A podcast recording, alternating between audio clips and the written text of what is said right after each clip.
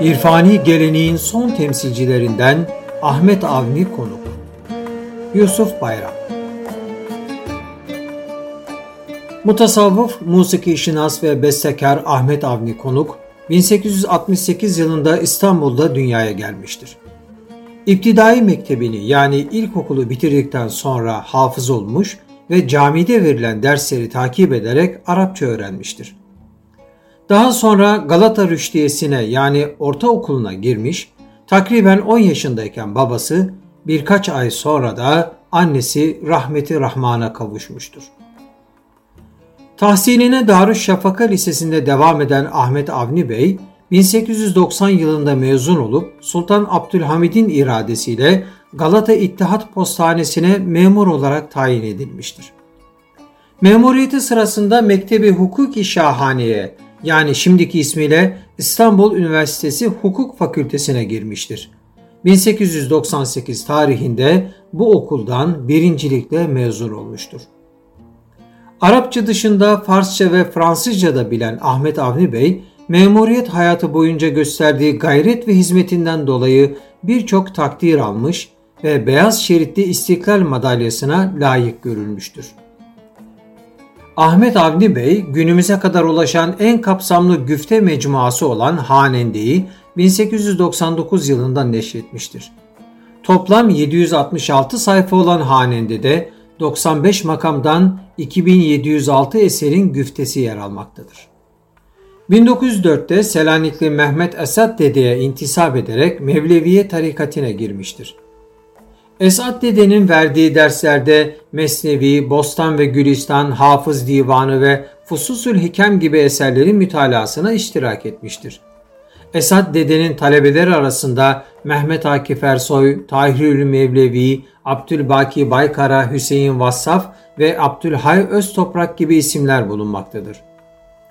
Tahirül Mevlevi, Esad Dede'nin öğrencilerine bildiklerini esirgemeden öğretmelerini vasiyet ettiğini, sokakta ayak üzeri sorulan bir soruya bile uzun uzun cevap verdiğini söyler. Esad Ahmet'e konuk, Esad Dede ile ilgili hatıralarını naklederken hocasının adeta bir marifet okulu olduğunu, öğrencileri yeni bir şey öğrenmeden ayrılmadığını, öğrencilerin dikkatinin dağıldığını fark ettiğinde durun size bir masal söyleyeyim deyip oldukça hoş hikayeler anlatıp bu hikayeler üzerinden öğrencilerini uyardığını kaydetmektedir. Ahmet Avni Bey Esat Dede'den Farsça öğrenmiş ve Mesnevi'yi okuyarak icazet almıştır. Bu arada Fatih Türbedarı Ahmet Amiş Efendi'nin sohbetlerine de katılmıştır.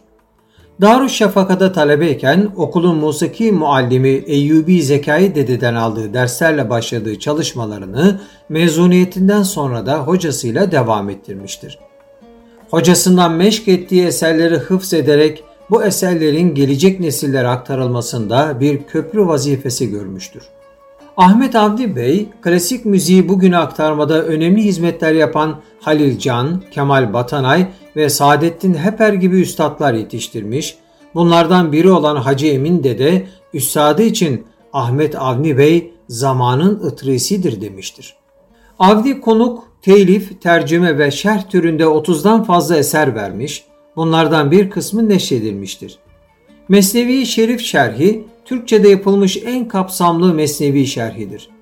Muhittin İbnül Arabi'nin eserlerinden hazırladığı Fususül Hikem tercüme ve şerhi ve Tedbirat-ı İlahiye tercüme ve şerhi ise öne çıkan diğer iki eseridir.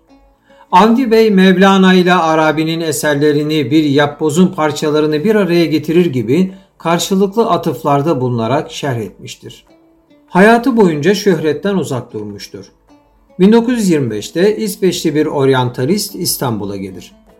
Hayatı boyunca şöhretten uzak durmuştur. 1925'te İsveçli bir oryantalist İstanbul'a gelir. Darülfünun hocalarından Mehmet Ali Ayni'ye Ahmet Avni Bey'i sorar, tanışmak ve elini öpmek istediğini söyler. Ayni böyle bir kimseyi tanımadığını ifade edince müsteşrik hayretle nasıl tanımazsınız? Biz onun Avrupa mecmualarında çıkan yazılarını zevkle okuyoruz. Çok kıymetli bir alimdir der. İstanbul Robert Koleji'nde yayınlanan bir bültende Avni Konuk'a din, sosyal meseleler, felsefe ve müzik alanında sorular sorulmuş ve bu yayın Avrupa ve Amerika'da müsteşriklere gönderilmiştir. Ayrıca Avrupa üniversitelerindeki oryantalistler halledemedikleri konuları konuktan sormuş ve cevaplarını dergilerinde neşretmişlerdir. Bu soru ve cevapların bir kısmı Amerika'da sorulan 17 suale cevaplar isimli henüz neşredilmemiş el yazması eserinde yer almaktadır. Ahmet Avni Bey, madem ki peygamberlerin tebliğlerinde esas olan hakkın vahdaniyeti ve halikiyetidir, o zaman neden çeşitli peygamberler gelmiştir? Tek bir peygamber ve tek bir kitap yeterli değil midir? İslam neden bütün insanlığa gönderilmiştir gibi sorulara cevaplar vermiştir. Bektaşilik tarihi konusunda araştırmalar yapan Amerikalı Türkolog John Kingsley Birge o sıralarda İstanbul'dadır. Kendisine yazdığı bir mektuba Ahmet Avni Bey şöyle başlar.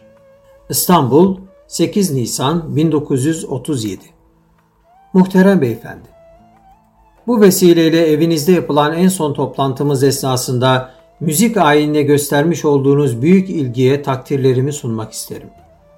Tüm dinleyicilerin arzusu doğrultusunda size Türk müziği hakkında bir özet ve Türkçe güfte tercümeleriyle bazı giriş notları göndermiştik. Orijinali İngilizce olan mektupta şu ifadeler de yer alır. Yaklaşık 12 yıldır bu alanda çalışan arkadaşlarından birisi Adil ki kendisi bu mektubu benim için kaleme alan şahıstır. Fususul Hikam isimli kitabın mukaddimesini bazı Fransız ve Belçikalılar için Fransızcaya tercüme etmiştir. Ahmet Avni Bey bir hatırasını şöyle paylaşır. Kamil'in önüne gelen cehlin ne suretle ilim olduğunu fakir, başıma gelen bir vaka ile arz etmeyi faydalı görürüm.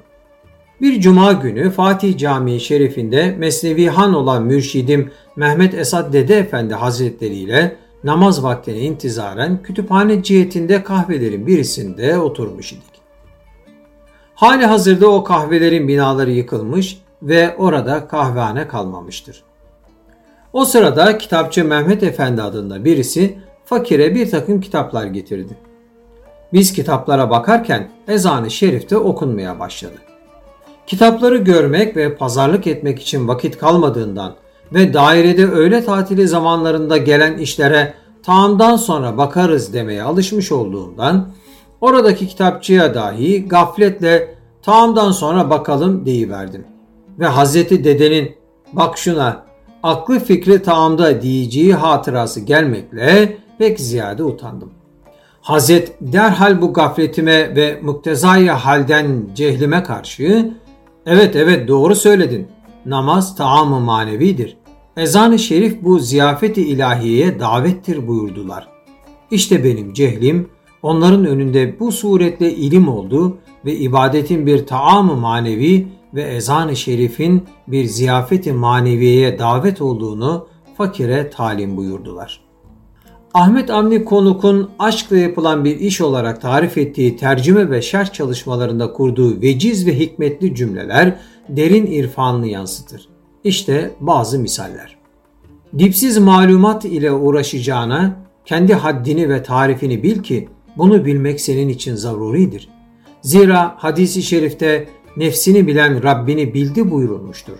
Binaenaleyh eğer kendi nefsinin haddini ve tarifini bilirsen sana pek lazım olan Rabbini bilmek faidesi hasıl olur. Sana kira ile verilen bu cisim dükkanı içinde oturmuş eskicilik ve yama yamayıcılık ediyorsun. Halbuki bu dükkanın altında iki maden yani gümüş ve altın madenleri vardır. Gümüş ve altın madenlerinden murat marifeti nefs ve marifeti haktır. Meyve ağaçta tamam olduğu vakit Araplar meyve hür oldu derler. Nihayetin alameti odur ki bir şey kendi evveline vasıl ola. Firavun'un kahrı surisi yani görünüşteki büyük eziyeti altında hakkın lütfi manevisi vardır. Mana surete galip olduğu gibi hakkın lütfi manevisi dahi gayrın kahrı surisine galiptir. Batıni olan kuvvet zahiri olan kuvvete daima galiptir. Aklın iki sıfatı vardır ki birisi ebedi olan maadından, ahiretinden agah ve fani olan maaşından, dünyasından gafildir. Ve diğeri ebedi olan maadından gafil ve fani olan maaşından agahtır. Evvelki vukuf ve gaflet memduh olur, övülür. ve ikinci gaflet ve vukuf ise mezmundur, kınanır. Yar sadık, düşünce ve fikirlerin merdiveni olup senin aklını ve görüşünü kuvvetlendiren kimsedir. Ulema-i zahir, hakikate intikal etmeyen şekilci alimler ise senin aklını kendisi gibi yarı yolda bırakır. Ey cisim!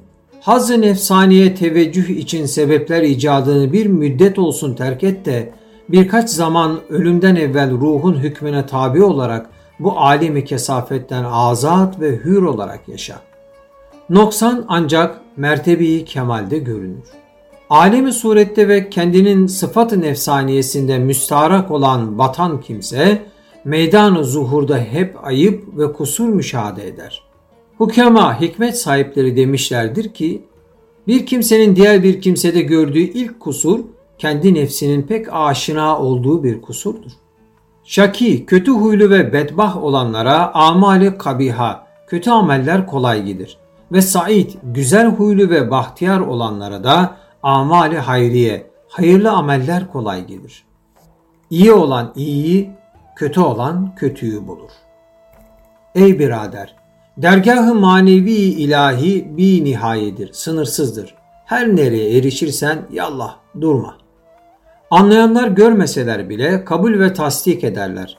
Anlamayanlar görseler de red ve inkar ederler. Sözlerimiz anlayanlaradır. Ahmet Avni Bey tasavvufu şöyle tarif eder. Kesri amel, kasrı emel. Yani salih amelin artırılması, uzayıp giden emelin kısaltılması. Fihi mafih tercümesinin giriş kısmında yer alan münacatının ilk iki mısrağı şu şekildedir. Ya Rab, nigahı lütfun içindir bu meşgale, zulmette rehnuma bizi ancak o meşale. Ya Rab, bu uğraş lütfuna ermek, kutsi teveccühüne mazhar olmak içindir. Karanlıkta yolumuzu aydınlatacak olan şey ise bu meşaledir. 19 Mart 1938'de 70 yaşında İstanbul'da ruhunun ufkuna yürümüştür. Mezar taşında şu ibareler yer almaktadır. 14. Hicri asrın en büyük fususul hikem ve mesnevi şerif şarihi, tasavvuf ve musiki üstadlarından Ahmet Avniül Mevlevi konuk burada yatar. Ruhuna Fatiha.